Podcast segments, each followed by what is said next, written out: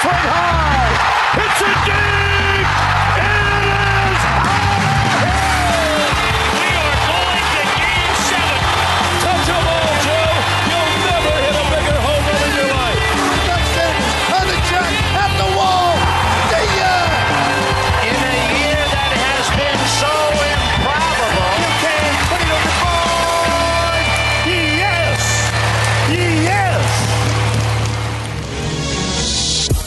hallo en welkom bij alweer de 30ste aflevering van Just a Bit Outside, de enige echte MLB-podcast van Sport Amerika. En jawel, de playoffs zijn hier.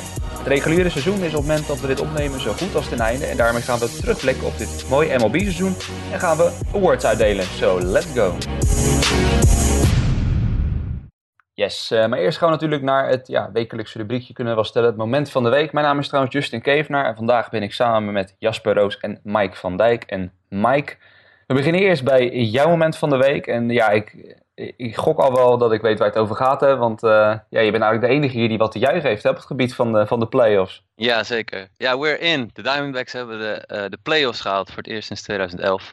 En eh, het was op zondagavond dat het gebeurde. Eigenlijk al door, door nederlagen van de, van de St. Louis Cardinals en de Milwaukee Brewers. dat de Diamondbacks al zeker waren van een plaatsje in de postseason. Of in ieder geval de wildcard game. Eh, en vervolgens wonnen ze nog op een walk-off eh, manier ook. En ja, hadden ze gelijk ook home field advantage voor die wedstrijd eh, binnen. Dus ja, dat was super mooi. En, en verder, ja, andere momenten die me opvielen deze week waren de twee vangballen van Leonis Martin in twee opvolgende wedstrijden. We hebben hem toen besproken rond de trade deadline toen hij naar de Cubs ging. En nu maakte hij twee keer de laatste uit in wedstrijden tegen de Cardinals. Waarmee hij in de eerste wedstrijd de Cubs divisietitel binnenhaalde. En in de tweede wedstrijd ervoor zorgde met de vangbal in de elfde inning. eh, ja, dat vervolgens de Cardinals volledig uitgeschakeld waren. Dus dat vond ik ook wel een momentje eh, waar ik, wat me opviel deze week. Ja, precies. Nou goed, sowieso eh, gefeliciteerd. Ik moet zeggen, Arizona, ik hoop het van harte dat ze het, eh, dat ze het ook goed doen in die wildcard game. Want ik denk als er één team is binnen die, eh, die wildcard games die, die misschien wel het meeste schade aan kan richten, denk ik dat het Arizona is. Maar goed, daar gaan we natuurlijk later nog eh, uitgebreider over hebben. Jasper, jouw moment van de week. Ja, ik heb er twee. Eh, in goede traditie ook eh, in deze aflevering heb ik er weer twee. Ten eerste eh, Giancarlo Stanton. Want dat was fantastisch. Dat hij, dat hij nu toch misschien de 60 gaat halen. Dat zou toch geweldig zijn.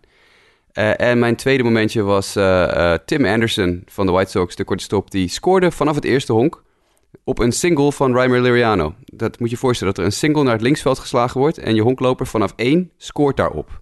Hij deed er 9,1 seconden over om te scoren vanaf het eerste honk. Nou, dat is natuurlijk eh, dat is fantastisch. Dat is, eh, daar kijk je honkbal voor. Hè. Lionel zegt altijd, ik kijk honkbal om dingen te zien die ik niet zou kunnen of niet vaker zie. Dit had ik nog nooit eerder gezien. De Usain Bolt van de White Sox, of niet? Eh, ja, absoluut. Hij is, hij is supersnel. Hij is echt, eh, echt supersnel. Ik wil net zeggen, ne- ne- 9,12 seconden inderdaad. Het is, eh, hoe, ja, hoe lang zou een gemiddelde MLB erover doen, zit ik me dat te bedenken. Zo vaak zie je die cijfers niet voorbij komen. Maar... Nee, inderdaad. Ik heb ook geen idee. Dit, wat, eh, dit was gestatcast.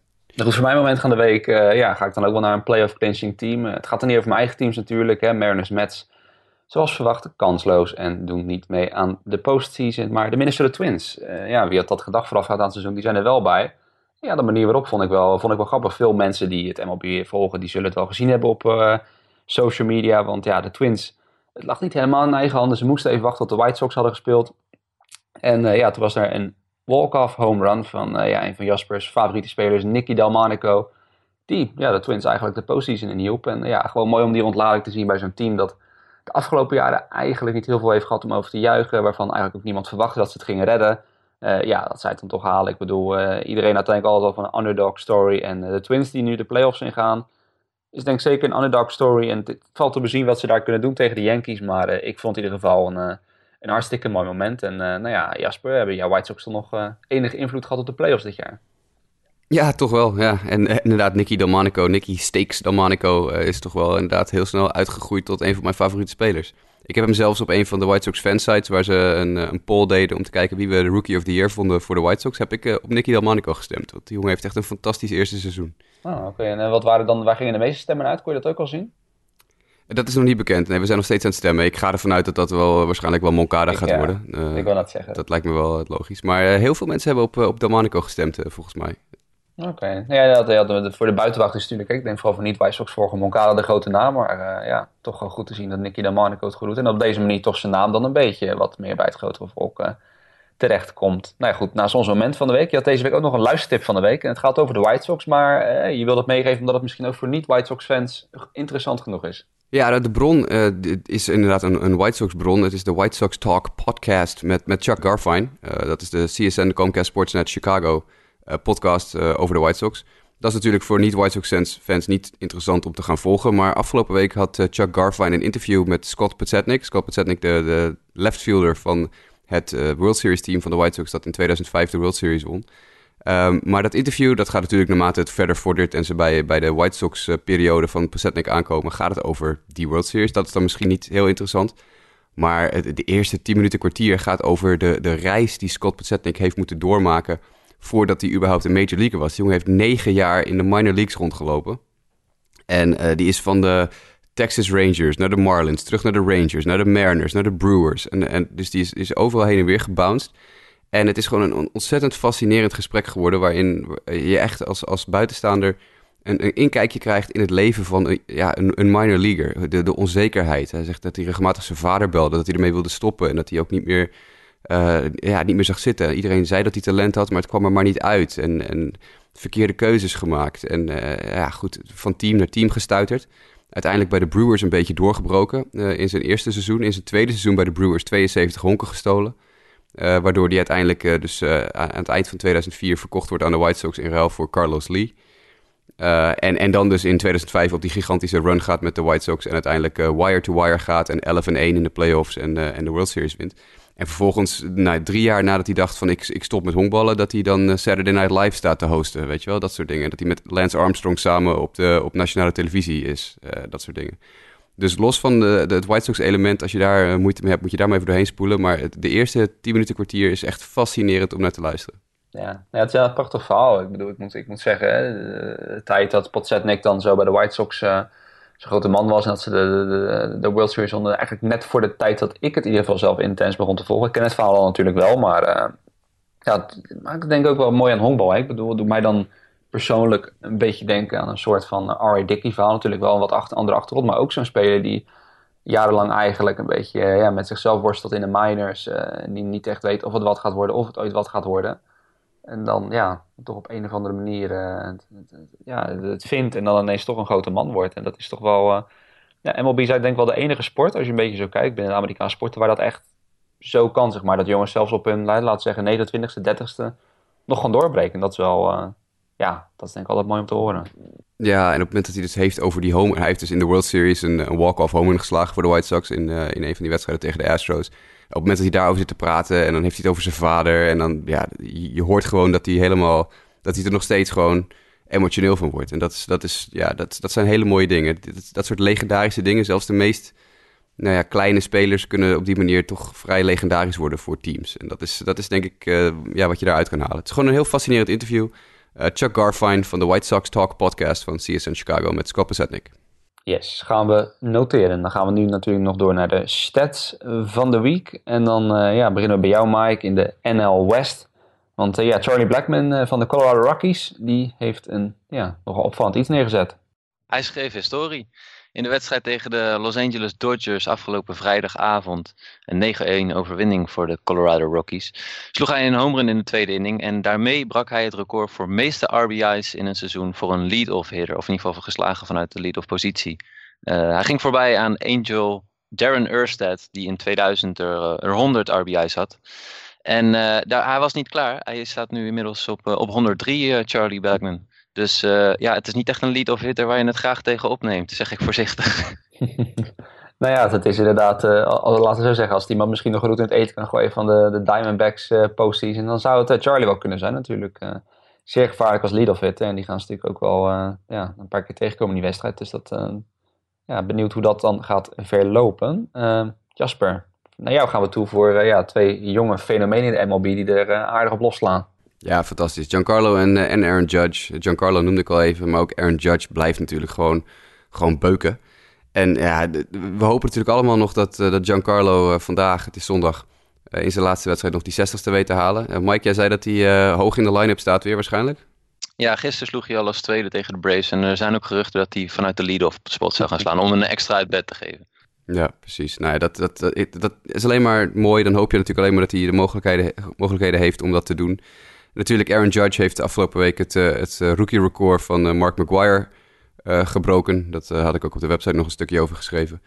En ja, dat, is de, dat, zijn fenomenen. Ik bedoel, de echte home run hitters zijn jarenlang een beetje ondergewaardeerd geweest na dat hele dopingschandaal wat er in MLB heeft afgespeeld. Iedereen keek met een scheef oog naar dit soort jongens. Maar dit zijn gewoon twee beesten van kerels. Echt, echt ja, ja, Lionel noemde ze van de week superhelden formaat. Want ze zijn gewoon, ja, echt gewoon hulkachtige dingen aan het doen. En dat is fantastisch om te zien. Dus ik, uh, ik, ik hoop heel erg dat Giancarlo de 60 gaat halen. En dat Aaron Judge er misschien ook nog één of twee bij weet te pompen. Dan uh, denk ik dat we wel uh, kunnen zeggen dat de home run weer terug is. Ja, goed. Je hebt het dan over hulkachtige dingen. ja, misschien iets, iets minder hulkachtig, maar daarom niet minder indrukwekkend. De Indians pitching staff. ja, we hebben het wel eens eerder over gehad. De Indians heel goed bezig, mede door een pitching staff. En ja, Mike, ook zij staan in de geschiedenisboeken. Ja, het is ongelooflijk. Carlos Carrasco en Trevor Bauer hadden hun laatste starter voor nodig. Maar, uh, of in ieder geval Carrasco niet, maar Bauer wel.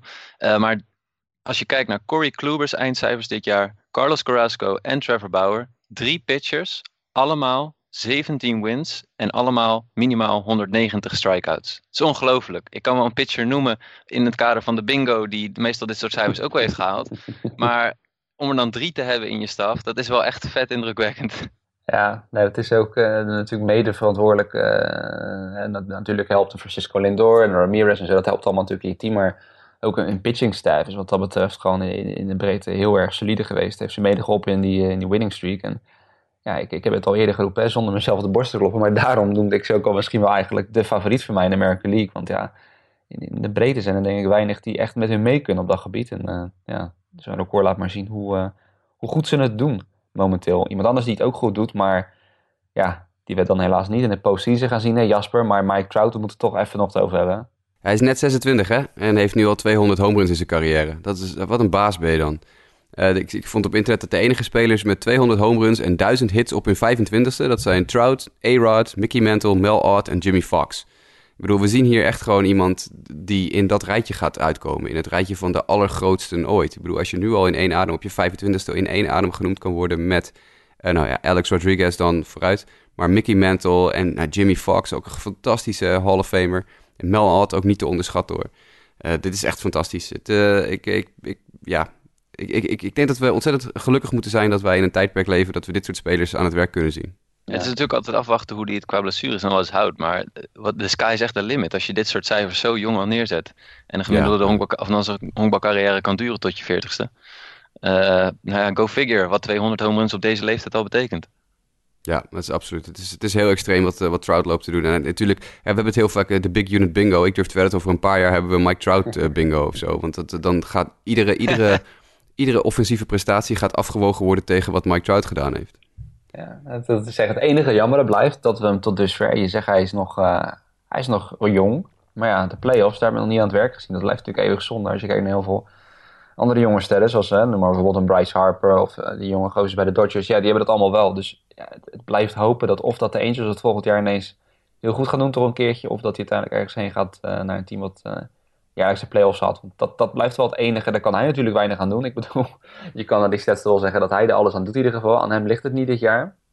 Maar uh, ja, dat blijft heel jammer. En iemand anders, en dat ga ik dan zelf nog toevoegen, die dit jaar ook niet in de playoffs uitkomt. En dat is eigenlijk maar goed, denk ik, ook voor iedereen die honkbal lief heeft, als Matt Harvey. Want uh, we hebben het wel eens eerder dit jaar erover gehad. Is Matt Harvey klaar? Het, het, ging niet goed met hem. Nou, het, was zijn stats zijn niet mooi, want hij is officieel de slechtste starter in Mets history met minimaal 15 starts. Met een 6.70 ERA en daarmee verslechtert hij het record van Pete Shurak uit 1993 had een ERA van 5,96. Dus hij zit er nog ruim 0,74 punten boven. En uh, ja, pakken we even de hele statline erbij. Uh, uiteindelijk 18 starts, 92,2 innings, 110 hits. Uh, in die 92 innings maar 67 strikeouts, 47 walks. En dan is dat 6,70 ERA. Het was niet het jaar van Matt Harvey. Nee, ik denk dat dat een, uh, het understatement van het seizoen 2017 is. Uh. Wellicht gewoon volgend seizoen comeback player of the year. Het is voor hem in ieder geval ja. belangrijk dat het seizoen erin op zit. En dat hij daar een goede dikke streep onder kan zetten. En uh, ja, gewoon een, een, frisse start maken en kijken hoe die er volgend seizoen bij staat. Maar uh, hij is denk ik blij dat het. Nou, weet je wat niet in zijn voordeel gaat spreken in dat geval? Ik bedoel, hij gaat waarschijnlijk bijtekenen bij de Mets weer. En dat moet hij niet doen. Hij moet weg. Hij moet weg uit New York. Hij moet weg bij de Mets. Ten eerste moet hij weg bij die, bij die dramatische medische staf die in, uh, in New York rondloopt. Want echt, nou, blijkbaar, Harvey is vaak geblesseerd. Natuurlijk, dat ligt niet ja. allemaal aan die medische staf. Maar ze zijn ook niet in staat om hem weer terug te krijgen. Het heeft voor hem totaal geen zin om in die, in die scene... Hij, hij is een change of scenery, jongen. Hij moet gewoon even ergens anders heen, uit die markt... waar de fans uh, pissig op hem zijn... waar de organisatie behoorlijk uh, geïrriteerd is door, de, door zijn capriolen van de laatste tijd. Hij moet weg uit New York. En ik noem geen namen, maar ik ken wel een vereniging... waar een hele erg goede medische staf rondloopt... waar werpers die wiens carrière eigenlijk min of meer voorbij was... toch nog heen zijn gegaan en die uiteindelijk weer opgebloeid zijn tot iets...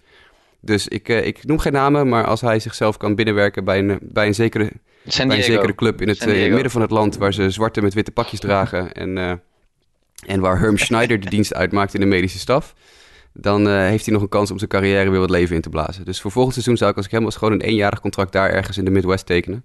En dan zijn we allemaal gelukkig. Ja, nee, ik denk dat het in ieder geval wel duidelijk is. Ik, ik vind het heel jammer om te zeggen, want ja, ik denk dat niet waar ik zeg dat Harvey in zijn goede jaren echt wel misschien wel mijn favoriete Met-speler was binnen die, binnen die groep. Gewoon hoe dominant hij was bij tijd en wijle. Maar ja, soms is er gewoon een tijd van, van komen en gaan. En ik kan me niet voorstellen inderdaad dat ook gezien uh, zijn achtergrond dat dit in New York nog goed gaat komen. Maar uh, we gaan het zien. Het zou ook alweer typisch bij het verhaal passen als hij volgend jaar naar een comeback player of the year kandidaat zou worden. Maar ik ga er niet van uit in ieder geval. Goed, van met Harvey gaan we dan door naar het nieuws van de week. MLB News and Notes. Ja, daar beginnen natuurlijk bij uh, de playoff picture, want de playoffs komen eraan. En uh, ja, alle teams die staan vast. Jasper, begin ik bij jou. Wat, wat is het eerste ja, wat jou opvalt of waar je het meest naar uitkijkt binnen deze picture? Nou, wat mij opvalt is dat uh, we hebben natuurlijk de usual suspects weer in, de, in de playoffs. We verwachten allemaal natuurlijk Boston in, in de playoffs meestal. de Yankees hebben het ook weer gehaald dit jaar. Uh, Cleveland is, uh, is als, als een regerend uh, verliezend World Series finalist weer terug. Houston hadden we allemaal ook wel voorspeld. Ik vind Minnesota echt ongelooflijk verrassend in de American League. van, van 103 losses vorig jaar naar een, een ruime playoff plek gaan. Dat is echt dat is fantastisch. Dus wat Minnesota heeft gedaan is echt ja, bewonderenswaardig. En dat, dat, ik moet heel eerlijk zeggen dat me dat verschrikkelijk verbaast. En ik, ja, als we dan toch in een seizoen hebben waar de AL Central een extra team mag leveren, dan laat het dan maar de Twins zijn. Nee, ben ik het wel mee eens. Mike, wat uh, vind jij het meest opvallend hieraan? Ja, eigenlijk hetzelfde. Uh, de Minnesota Twins, dat had echt niemand zien aankomen. En, en dat ze het gehaald hebben. Kijk, ze, sch ze schakelen dan ook nog wel uh, Los Angeles Angels uit en, en, en Kansas City. Weet je wel, die lieten ze net achter zich. Maar wat dat betreft vind ik het ook verdiend dat zij erin staan. Ik bedoel, ze hebben echt, uh, het, het, is het Cinderella story van, van de postseason. Of in ieder geval het begin ervan. Uh, maar als je de Angels ook ziet die laatste weken, ik bedoel, ik, ik, ik heb niet echt de indruk gehad dat dat ook echt een playoff team is geweest. En Kansas City ook niet. En dat heeft, hebben de Twins op de een of andere manier hebben ze wel iets dat je denkt van, nou, dat kan wel een leuk team worden om, uh, om in die playoffs te verrassen. Moeten ze wel eens die wildcard game uh, winnen, maar het, het, is gewoon, ik gun het ze van harte. Nee. nee, maar dat is inderdaad het ding. Dat wil ik nog wel als, enige nuance erbij plaatsen. Is het dan dat zozeer dat de Twins dit jaar zoveel beter waren? Ik denk, ze waren natuurlijk zeker beter dan vorig jaar. Maar ja, ook een beetje het feit dat de rest van de American League gewoon een beetje achterblijven. Wat je zegt, de Angels, uh, de Mariners, de Royals, de, Rangers. Het was allemaal maar, ja, meh. Het was allemaal niet zoveel. En natuurlijk, daar moet je er nog steeds gebruik van maken. Ik bedoel, dat is honkbal ook. Je moet het eigenlijk van de, van, van de slechte teams moet je winnen. En nou goed, als je dat vaak genoeg doet, kan je de playoffs halen. Is eigenlijk nog wel de, de, de, korte vraag die ik van jullie beantwoord zou willen zien. Ja, de Twins en de, de Rockies gaan dan wel allebei die wildcard game in een beetje als terwijl de, de flinke underdogs. Denken jullie dat ze echt wel een goede kans maken om of de Yankees of de Diamondbacks uit te schakelen? Nou ja, Mike die, die vertelde mij eerder al dat, uh, dat Arizona over het algemeen moeite heeft met, uh, met de Rockies. Dus ik denk, Mike, dat jij nog wel een, uh, een spannende week tegemoet gaat. Ja, maar dat is dan ook inderdaad een beetje gebaseerd op gevoel. Want ik heb de cijfers op dit moment er niet bij liggen van, van hoe ze spelen. Maar de Rockies en de Diamondbacks is altijd wel... Ja, het is de derby, zeg maar, geografisch gezien. Uh, maar het is geen makkelijke line-up. Colorado is gewoon offensief heel gevaarlijk. En daar hebben de Diamondbacks altijd lastig mee. Het voordeel is, ze hebben Greinke. Uh, en Greinke thuis dit seizoen is gewoon heel sterk geweest. Dus uh, ja, hopen dat hij die lijn gelijk door weet te trekken in die eerste wildcard game wedstrijd. Ik vind het heel jammer dat we, dat we een van die twee teams kwijtraken in deze, in, al in deze fase van de playoffs. Ja. Ik had gewoon heel graag gezien dat en Colorado, waar wij natuurlijk aan het begin van het seizoen in een van de eerste afleveringen best wel wat liefde hebben gegeven naar Colorado als, als podcast. Dat toch zei het is best wel een sneaky, sneaky leuk team. dat zijn ze het hele jaar ook eigenlijk gebleven. En hetzelfde geldt voor Arizona, die een beetje voor mij uit het niets kwamen. Want ik was nog ietsje sceptisch over de, over de pitching. Nou, die heeft fantastisch volgehouden dit hele seizoen. maar ook een ontzettende leuke aanval. leuk gemanaged team. Gewoon heel goed, goed gemanaged team. Maken geen domme fouten dit zijn gewoon twee teams die ik graag uh, ja, in verschillende kanten van de bracket had gezien. Zodat we bijvoorbeeld een, een, National League Championship Series hadden gehad tussen Colorado en Arizona. Want ja, ik bedoel, dat zijn toch wel de twee teams in de NL van deze vijf die er nu op het lijstje staan. Die ik, waar ik iets meer mee heb dan met die andere drie. En hetzelfde geldt een klein beetje in de EL. Ik bedoel, ik zie natuurlijk het liefst de kleinere teams wat verder komen. Heeft Minnesota een kans om New York te verslaan? Ja, maar zie ik het gebeuren? Nee, niet meteen. Nou ja, vergeet niet Irvin Santana. Ik bedoel, uh, ik zeg tegen het top of my head, uh, die, die zal waarschijnlijk starten. En we hebben het eerder dit jaar over gehad. Die heeft wel eens echt van die opmerkelijk goede starts gehad. Ik geloof dat hij waarschijnlijk nog steeds de meeste uh, nine-inning games van het jaar heeft gehad. Want dat had hij eerder dit jaar al. Dat hij geloof ik er zelf al drie had. En dat de rest van de MLB er in totaal, laten zeggen dat ze er per team maar één of twee hadden. Dus het, het, het zou dan misschien wel zo'n scenario kunnen worden. En dan zeg ik het even uit mijn hoofd. Want twee jaar geleden was dat geloof ik dat de Yankees toen net tegen Dallas Keuchel, die natuurlijk dan een nog beter seizoen dat jaar had. Maar gewoon net tegen de verkeerde werper aanliepen. En dat de Astros echt gewoon even, even wegveegden in die, in, die, in die wildcard game. Omdat ze gewoon niks konden doen tegen Keuchel. Ja, als Santana zijn wedstrijd heeft, dan kunnen ze het zomaar uh, gaan klaren. En dan zou dat een hele bittere pil zijn voor de Yankees. En dat, dat is dan het laatste wat ik erover zal zeggen. Dat zag ik van de week nog ergens. Er was iemand op Twitter die het... Uh, die suggereerde aan een Jared Diamond, een uh, MLB-writer, die had het over de, de wildcard playoffs. Die zei, ja, in Zuid-Korea hebben ze dat anders geregeld hebben ze blijkbaar een systeem dat uh, de, de thuisspelende ploeg die er beter voor staat, die hoeft maar één keer te winnen. En de uitspelende ploeg die moet uh, twee keer winnen om uh, de wildcard game door te komen. Dat zij een minder record hebben en dus daarom eigenlijk meer zouden moeten doen om die playoff plek te veroveren. Ik vond het zelf een best interessant idee, maar ja, ik denk niet snel dat MLB het zou adopteren. Het komt uiteindelijk aan op die ene wedstrijd. Dan moet je er staan. En we gaan zien of jouw Diamondbacks, Mike, dat kunnen waar gaan maken. Dan, ja, dat gezegd over de playoffs, we even toch door naar wat reguliere nieuwtjes. Want Phillies nieuws hebben we hier. Uh, Pete McCannon uh, ja, wordt geen headcoach meer van de Philadelphia Phillies komend jaar. Maar hij gaat wel ja, een andere rol krijgen binnen de organisatie, Mike. Ja, uh, je vraagt je af wat het idee erbij is. Maar ja, Pete McCannon werd eerder dit seizoen nog, nog verlengd als manager voor, tot 2018. En met ook nog een optie erbij voor 2019. En nu hebben de, de Phillies eigenlijk besloten... Weet je wat, we maken van jou een special assistant to the GM. Dus uh, nou ja, blijkbaar is dit een soort van promotie. Moet het zijn. Maar zelf was uh, volgens Ken Rosenthal van, van The Athletic... was McKinnon uh, vrij verrast dat hij niet volgend seizoen de manager is van de Philadelphia Phillies. en ik denk dat, ja, Lionel, hij is hier nu niet... maar dat hij ook vrij verrast is dat Pete McKinnon volgend seizoen ieder geval nog bij de Phillies in dienst is. Uh, maar ja, hij, hij, is dus eh, volgend jaar niet de manager. Dus de Phillies gaan ook op zoek naar, uh, naar een nieuwe, nieuwe coach. Hoe ontzettend clueless ben je dan als, als manager als je verrast bent dat je na zo'n seizoen, waarin werkelijk alles fout gaat bij de Philadelphia Phillies, waar spelers totaal onderpresteren, waar er onrust in het clubhuis is tussen de sterspelers, waar er alleen maar gedonder is eigenlijk en je echt gewoon een heel slecht seizoen draait. Hoe, hoe kan je dan verrast zijn dat je, dat je niet aan, aan mag blijven? Dat, daar snap ik echt helemaal niets van. Die contractverlenging vonden wij al nou, dubieus, om op ze zacht te zeggen. Maar dit is, dan ben je toch gewoon, dan, dan, ben toch, dan leef je toch op een andere planeet?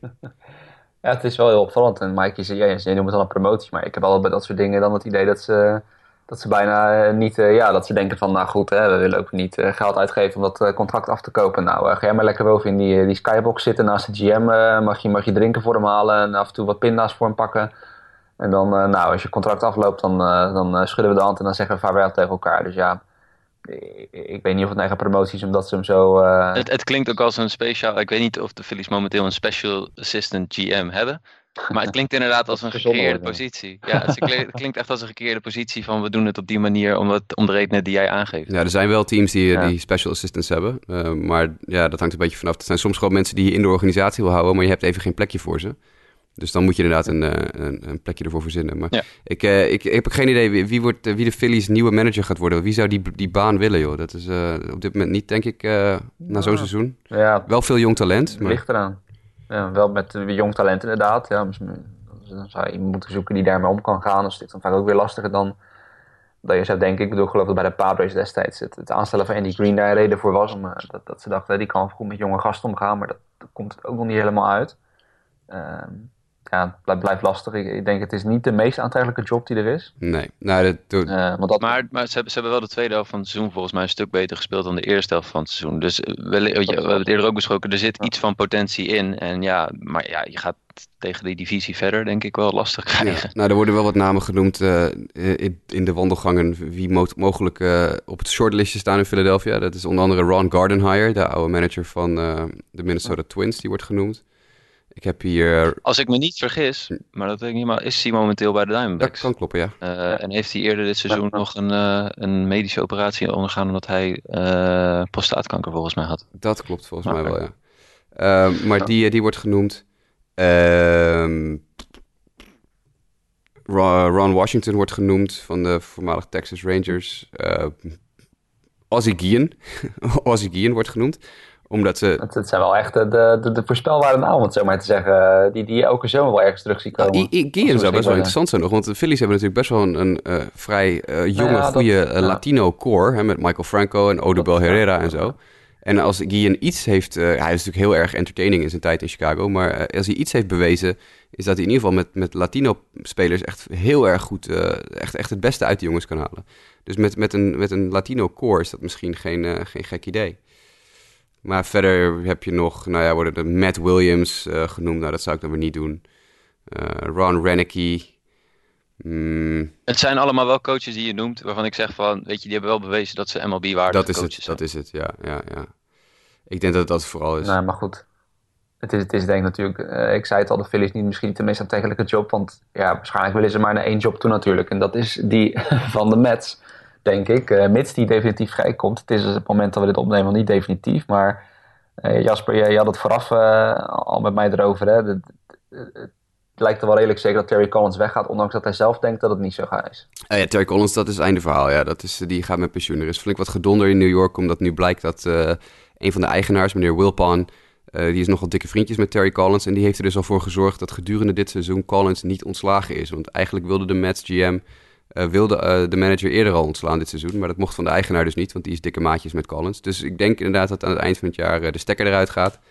en ja, dan, dan, dan gronzen er nieuwe namen rond. En de, de twee die er het meest uitsprongen voor mij waren Kevin Long, de, de beroemde hittingcoach. Die ja, op meerdere plekken succesvol is geweest als hittingcoach. Volgens mij zelfs ook bij de Mets al eerder. en bij de Yankees volgens mij ook. Uh, en, uh, en Robin Ventura wordt, uh, wordt genoemd. Natuurlijk ook een, een Mets, ja, tussen aanhalingstekens legende. Een aantal jaren aan het eind van zijn carrière bij de New York Mets gespeeld. daar nog wat records scherp gesteld hier en daar. Nou, geloof mij jongens, als je de New York Mets bent... in een hele grote boog om Robin Ventura heen lopen. want dat, dat is, daar wil je niks mee te maken hebben. Nou, ik zal doorgeven aan de, aan de Wilpons. En ja, wat betreft Collins, het is ergens wel jammer natuurlijk. Ik bedoel, ze, ze hebben hele mooie tijden met hem beleefd. Maar uh, ja, op dit moment, en dan kun je natuurlijk wel afvragen of hij er veel aan kan doen, uh, was het gewoon helemaal niet veel dit jaar. En dan kan dan denk ik geen kwaad dat er een nieuw iemand er binnenkomt. En ja, ik geloof het maar op jouw woorden dat, dat geen Robin Ventura binnen moeten halen. Ik heb natuurlijk zelf uh, geen, geen echte ervaring met hem. Ik ken hem natuurlijk wel van buitenaf van de White Sox, van zijn White Sox tijd. Maar we gaan het zien. De Mets zullen vast wel weer in zijn voor iets verrassends. Dat zou op zich wel uh, bij ze passen in dat opzicht. Maar, uh, de, de Mets moeten, moeten, moeten, moeten iemand als Dave Martinez gaan halen. Eindelijk. Dave Martinez is al jarenlang is dat een, een, een assistant manager die, of een benchcoach. Waar, waar veel te weinig. Uh, die is altijd, altijd hebben teams interesse. Maar hij haalt het telkens net niet. Want dan is er net weer een andere kandidaat die, die het, het meer haalt. Martinez is de, de benchcoach van Joe Madden eigenlijk geweest altijd. Bij de Rays en de Cubs. Uh, en, en is, is, eigenlijk altijd gewoon de, de hete naam in, in de wereld, maar had telkens net niet. Er zijn er nog wel een paar. Uh, je, je, hebt nog, uh, hoe heet die knakker ook alweer? Joey Cora is ook al dat is de derde homecoach van de Pittsburgh Pirates. Die wordt ook al jaren genoemd als een potentie, potentiële naam. Nou ja, je, noem, je noemde net Matt Williams, die is natuurlijk ook bij de, bij de Nationals hoofdcoach geweest. Maar daarvoor was hij eigenlijk ook altijd jaren en nu ook weer derde homecoach Precies. of assistant coach. Precies. Dus ik, ik, ik zou, als ik de Mets was, zou ik voor zo'n jongen gaan. Dave Martinez, die, die niet meer van de, de super jonge garde, dus niet de Brad Osmus generatie, die dus nog eind 30 zijn. Hij is al ietsje ouder. Maar wel ontzettend gepokt en gemazeld in de Major League. Met, met een uitstekende baas boven zich. Want Joe Madden kan je van zeggen wat je wil, maar is gewoon een uitstekende manager. Dat is, dat is nou zo'n gast waar, waar ze mee moeten gaan. Joe, Dave Martinez ook volledig tweetalig. Nou, ze hebben bij de Mets ook een aardige Latino crew. Maar ook nog veel gewoon Amerikaanse spelers. Dus hij kan het in twee talen af. En, en je ziet soms wat een, wat een hoe belangrijk dat kan zijn voor een team. Dat, dat, dat je gewoon kan communiceren met al je spelers. Ja, nou goed, we gaan in ieder geval zien de Mets dus naar alle waarschijnlijkheid op zoek naar een nieuwe manager. Het team dat dat niet gaat doen, en dat is misschien wel wat verrassend, zijn de Oakland Athletics. Want die ja, verlengen het contract van hun manager Bob Melvin, Mike. Uh, ja, hoe, hoe, verrast was jij toen jij dit las? Ja, enigszins wel verrast. Uh, ik zeg enigszins omdat ik zelf ervaring heb met Bob Melvin als coach van de Diamondbacks. En ik het altijd een goede coach vond. Uh, maar als je gewoon kijkt naar de Oakland Athletics, hij zit daar nu zo'n jaar of zes. In de eerste drie seizoenen was het nog boven 500 wat de Oakland Athletics speelde. Maar in de laatste seizoenen is het toch eigenlijk ja, teleurstellend wat de Oakland Athletics te presteren. Of in ieder geval, er zit niet echt verbetering in de zaak. Ze zijn drie op één volgende seizoen eigenlijk vijfde geworden. Ik ga ervan uit dat ze dat dit seizoen dus ook worden. Dus ik was in die zin wel verrast dat zij eigenlijk nog, steeds, nog steeds doorgaan met Bob Melvin. Ja, ja ik denk dan zelf gewoon, dan zeg ik het zonder dat ik er echt, echt kennis van heb, maar meer een zaak van, nou, ze vinden het een toffe peer en waarschijnlijk dat spelers met hem, met, met hem weglopen en dat dan ook management zoiets heeft van, maar goed, die prestaties, dat, dat valt misschien een beetje te wijten aan het team dat we, dat we voor je hebben samengesteld. Uh, enigszins. Toen, ja, ik weet niet echt, ik weet, ja, ik weet, Jasper, ik weet niet of jij er nog wat op te zeggen hebt. Ik weet niet of iemand anders het bijvoorbeeld beter zou doen daar momenteel. Nee, dat denk ik ook niet. Ik, Mike's punt is volledig uh, fair. En het is, ja, dit is van de categorie, hij ligt goed bij de spelers. en ik denk hele... ook goed, ik denk ook, sorry, en, en, en, ik denk ook dat hij goed ligt met de, met de front office. Want in Oakland is dat altijd wel een belangrijk dingetje dat de coach goed luistert naar de front office. Uh, en dat Bob Melvin zich blijkbaar heel constructief ook daarin opstelt. Ja, nee, dat is het denk ik. Ik denk dat het gewoon is een, uh, ja, een, een, trouwe soldaat die beloond wordt in een periode waar het team toch eigenlijk helemaal niks, helemaal niks heeft om naar, naar uit te kijken. Ja, nou goed, van het, het coaching carousel waar we naar alle waarschijnlijkheid in de offseason uh, nog dieper op in zullen gaan zodra het daar is, gaan we nog even naar wat ander nieuws. Matt Kane Namelijk, uh, ja, die had, uh, die had op het moment dat we dit opnemen is zaterdag, of nee, zondagochtend, uh, zaterdagnacht, had hij zijn laatste start. Want hij gaat met pensioen, hè Mike? Dat klopt, Matt Kane. Hij is afgelopen nacht, ja, heeft hij afscheid genomen van, van het publiek in, in San Francisco. En uh, gooide vijf solide innings, uh, kreeg twee hits tegen, gaf geen punten op. Maar het was uiteindelijk de bullpen die hem in de negende inning uh, van een win weerhield. ze stonden 2-1 voor en ze gaven twee punten op tegen de Padres. En die wonnen vervolgens de wedstrijd met 3-2. Maar Matt Kane, ja, wat, wat, wat moeten we erover zeggen? Een, een lange carrière van, met de San Francisco Giants. Diverse World Series gewonnen. Een, een no-hitter gegooid, als ik me niet vergis. Drie keer een All-Star. Perfect game. Perfect game zelfs, sorry. Ja ja, dus er zitten echt wel wat hoogtepunten in, in zijn carrière. Uh, zonder nou te zeggen, maar dan stoot ik misschien mensen... dat hij nou echt een dominante ace is... Uh, zoals veel andere pitchers misschien zijn geweest. Maar een, een, een zeer respectabele carrière, zeker. Nou, ik denk dat vooral waarom die natuurlijk ook afgelopen nacht... een geweldige ovatie kreeg in San Francisco... is, is dat je natuurlijk niet heel veel spelers meer ziet... die hun hele carrière bij dezelfde organisatie spelen. En het feit dat, uh, dat Kane vanaf... hij is in 2005 in de majors gekomen toen hij 20 was... en nu 12 jaar later uh, hij is dus pas 32. Dat uh, kan je ook even uh, ja. in je achterhoofd houden. Een, iets minder geblesseerde werper had nog misschien wel een paar jaar doorgekund. Maar in die 12 jaar heeft hij uitsluitend voor de Giants gespeeld. En dat, dat geeft een, een, een speler toch vaak ehm, wat meer een, een, een, een top-imago dan iets nodig zou zijn. Want laten we even heel reëel zijn. Matt Kane is geen topwerper. Matt Kane is een ontzettend middelmatige werper geweest. Die in zijn hele carrière meer wedstrijden verloren heeft dan gewonnen heeft. Hij heeft dus een, een win-loss onder de 500 de laatste vijf, zes jaar is hij eigenlijk gewoon uh, Major League onwaardig bijna. Ik bedoel, vanaf 2000, uh, nou laten we beginnen 2013, dan zijn we ver. Dat is een, zijn, echte, dat daar begint het, verval heel duidelijk. Hij heeft nooit in zijn carrière de, grens van 200 strikeouts uh, is hij overgegaan. Nou, dan ben je dus geen ace. Aces die doen dat dus wel. hij is wel een aantal keer over de 200 innings gegaan. 1, 2, 3, 4, 5, 6 keer van de 12. Dus de, de helft van zijn carrière heeft hij boven de 200 innings gespeeld. De rest gewoon heeft hij de 200 innings niet eens gehaald. Ja, dan ben je ook niet een heel erg duurzaam, een duurzame speler. Tuurlijk, hij heeft zijn goede periodes gehad. Hij heeft drie All-Star games gehaald. Hij heeft die perfect game gegooid, dat Mike het over had. Uh, maar voor de rest, ja, Matt Kane is natuurlijk gewoon een ontzettend middelmatige werper gebleken. Uh, maar dat neemt niet weg dat het, het feit dat hij, wat, hij, wat hij voor die organisatie heeft gedaan in San Francisco, dat dat iets is wat hem absoluut uh, uh, wat in zijn, in zijn voordeel spreekt. Dus, dus niks ten nadele van de man Matt Kane, maar ik denk dat we ook niet meer moeten maken van Matt Kane dan het is. Ja, precies. En dat is een beetje wat je zegt. En natuurlijk als je al zo lang bij zo'n organisatie zit, maar uh, nog verder dat vooral gezien dan de successen die de organisatie heeft gehad natuurlijk uh, de rest zijn tijd daar. Dat, dat, ja, hij was daar dus bij, maakte hem een onderdeel van die, van die teams die zo succesvol zijn geweest. Dat geeft je natuurlijk ook nog wat meer status als het ware binnen zo'n binnen zo'n organisatie. En dat op zich is het al begrijpelijk. Ik hoop niet dat er nu, ja, uh, laten we zeggen, tien Giants fans die naar deze podcast luisteren, dat die nu de stekker eruit trekken en zeggen Tuledoki. Maar nee, het is... Het... Nou ja, goed, dat moeten ze vooral doen. Kijk, laten, laten we eerlijk zijn. 2009, 2010, 2011 en 2012 was Matt Kane echt heel erg goed. Dat, dat, was gewoon, dat, is, dat, is, dat zijn zijn beste drie seizoenen. Dat, op dat moment staat hij, is hij alle vier jaren, of drie, keer, drie van die vier jaren is hij een All-Star tijdens die seizoenen. Zijn ERA schommelt een beetje rond de drie. Uh, hij, ging dik over de 200 innings. Nogmaals, haalde nooit, echt bij lange na niet, ook in die periode niet, de 200 strikeouts. Maar in, in die periode, 2009 tot 2010, was hij echt, of 2009 tot 2012, was hij echt heel goed. Maar dan heb je het over vier seizoenen in een carrière van 12 jaar. De overige acht is hij gewoon heel, heel matig. Dus ja, dat is eigenlijk de hele, de hele discussie. En uiteindelijk is het een business decision. Hè. Ze had nog een optie voor 20 miljoen, of in ieder geval de club had nog een optie voor 20 miljoen aan salaris.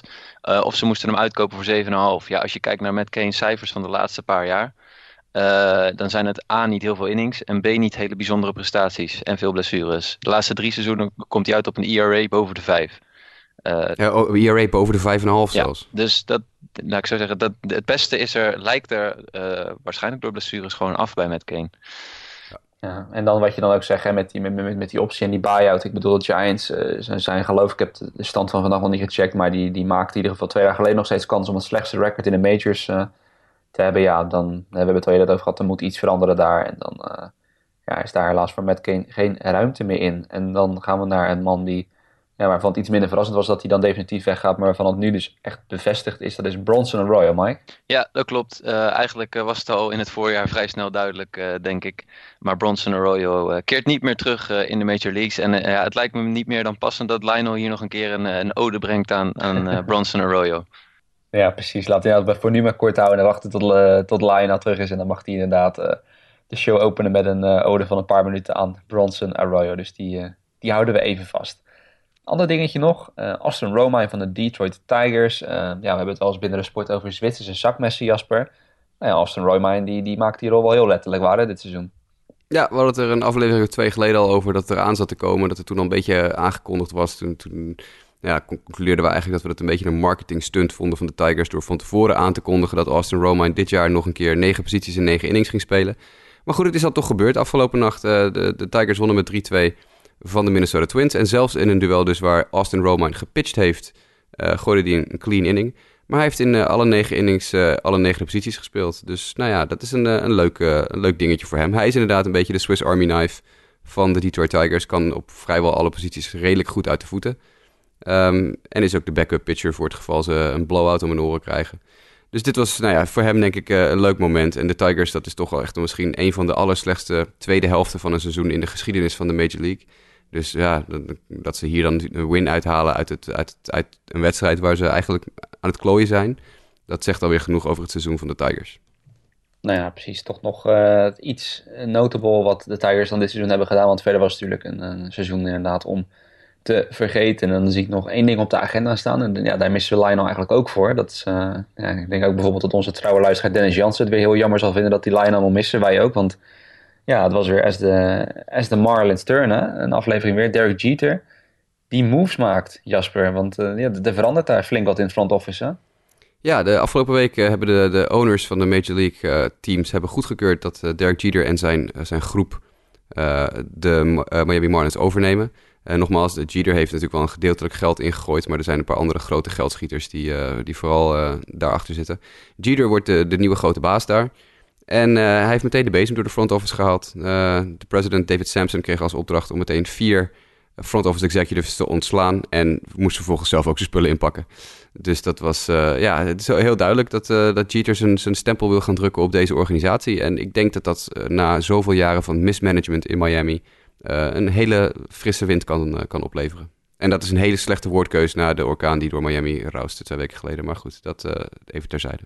Ja, nou goed, het is in ieder geval wat ik me altijd wel afvraag. Natuurlijk, Jeter uh, heeft natuurlijk van dichtbij gezien bij de Yankees hoe, uh, hoe een succesvolle operatie uh, gerund moet worden. Vraag me altijd wel af van in hoeverre heeft hij dat dan echt, echt meegekregen, zeg maar, hoe dat er concreet toe gaat. Dit, dit, zijn dan wel redelijk drastische dingen. Nee, niet weg inderdaad dat de Marlins eigenlijk al jaren in de, ja, in de middenmoot bivakeren van een divisie. En ja, waar, daar heb je eigenlijk niks aan. Nee, zou kunnen zeggen als je heel laag eindigt, dan en dan kan je misschien nog met, met de jonge prospects kan je volledig rebuilden. Dat hebben ze natuurlijk wel een keertje geprobeerd. Werd het ook niet helemaal En vannacht, dat is dan overigens nog wel leuk om toe te voegen, zag ik het nog dat er ook een, een uitspraak was van Giancarlo Stanton, die ook uh, duidelijk te kennen gaf van, uh, dat hij geen zin heeft in nog een rebuild. En dat hij letterlijk zei van ja, ik heb al zes, zeven jaar als het ware verspeeld hier, uh, door, door niet echt te contenden. En ik ga dat niet nog zes, zeven jaar doen. Dus waarom teken je dan een contract voor tien jaar daar? dat is, ja, ja maar dat, dat, dat, dat, toont dus blijkbaar aan, want kijk, wat je wel kan zeggen van de Marlins, je kan sowieso wel stellen dat ze denk ik een van de beste, zo waar niet het beste outfield in, in baseball hebben gewoon. Als je, als je kijkt in zijn, in, totaliteit met Ozuna, Yelich en, uh, en Stanton. Ik denk dat zijn verwachting gewoon is dat, dat ze daar verder aan gaan bouwen. Vraag me alleen af of ze daar wel uh, de, de ammunitie voor hebben, de resources voor hebben. Maar goed, dat is dan aan, aan Jeter en, uh, en co om daar verandering in te brengen. En van dat gezegd hebben, dan gaan we door naar, hè, we zeiden het al, we gaan awards uitdelen. Dus dan gaan we dat meteen maar doen.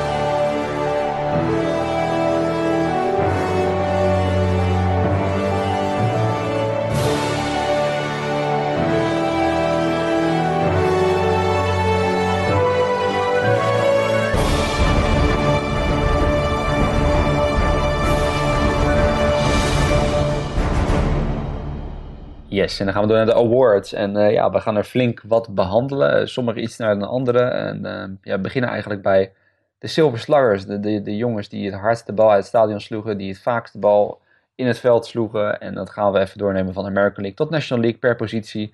Ene speler wat langer dan de ander. Want ik heb hier de lijstjes van Jasper, Mike en Lionel voor me. Uh, nou ja, Jasper en Mike, jullie hebben echt alles ingevuld. Jullie hebben de tijd genomen om alles even te researchen na te zoeken en te kijken wie per positie dat het meeste zou verdienen. Um, nou, we beginnen dus in de American League. Um, catcher zijn we unaniem over. Hè? Gary Sanchez. Uh, Jasper noemt hem in jouw notes de enige qualifier eigenlijk met Sal Perez. Uh, wat ik zelf dan opvallend vind eigenlijk is dat Gary Sanchez vorig jaar natuurlijk een groot debuut in de MLB. En toch dit jaar voor mijn gevoel wel een beetje ondergesneeuwd door de hele Aaron Judge hype. Maar ja, neemt niet minder weg dat hij, dat hij een heel sterk seizoen heeft gehad. En dat, ja, ik denk dat het wel unaniem over eens kunnen zijn dat hij die award het meeste verdient. Um, ja, 32, 32 home runs, 88 RBI's als catcher, dat is fantastisch. En natuurlijk, de kwalificeerde maar vier catchers geloof ik in de American League uh, op basis van, uh, van at-bats voor deze prijs. Maar Sanchez is met kop en schouders de beste. Ja, nou, bij het eerste donk wil ik hem dan uh, nog wel even aan jou geven, Jasper. Want ja, mensen die zullen denken, Jose Abreu, denken ze, ja, ja, hè, White Sox spelen het ze allemaal wel. Maar voor de mensen die de White Sox misschien niet zo vaak hebben gezien dit jaar, hij verdient het. En Mike was in ieder geval geheel met jou eens verdient Jose Abreu wel het meeste award, toch? Ja, de naam die je natuurlijk eigenlijk uh, meteen in zou vullen als, als casual honkbalkijker is meestal Eric Hosmer, die natuurlijk ja, een van de betere aanvallende eerste honkmensen is. Je kan ook nog een case maken voor Cleveland Indians, eerste honkman Carlos Santana. Maar uh, Jose Abreu was weer fantastisch dit jaar. En hij finished dit jaar met, ik lees even voor, 31 home runs. Uh, op dit moment 41 doubles. Hij is over de 100 RBI's. 904 OPS. een slaggemiddelde boven de 300. En Abreu is nu met uh, Albert Pujols, L. Simmons, Ted Williams en Joe DiMaggio de enige speler in de geschiedenis met 400 RBI-seizoenen in, zijn, seizoenen in zijn eerste vier seizoenen van zijn carrière. Nou, als je met Pujols, Simmons, Williams en DiMaggio in één rijtje staat, dan, dan heb, je, heb je een prijsje wel, of in ieder geval wat recognition verdiend. Uh, daarnaast is Abreu met Joe DiMaggio en Albert Pujols de enige speler met vier straight 25 home run en 100 RBI-seizoenen in de eerste vier seizoenen van hun carrière.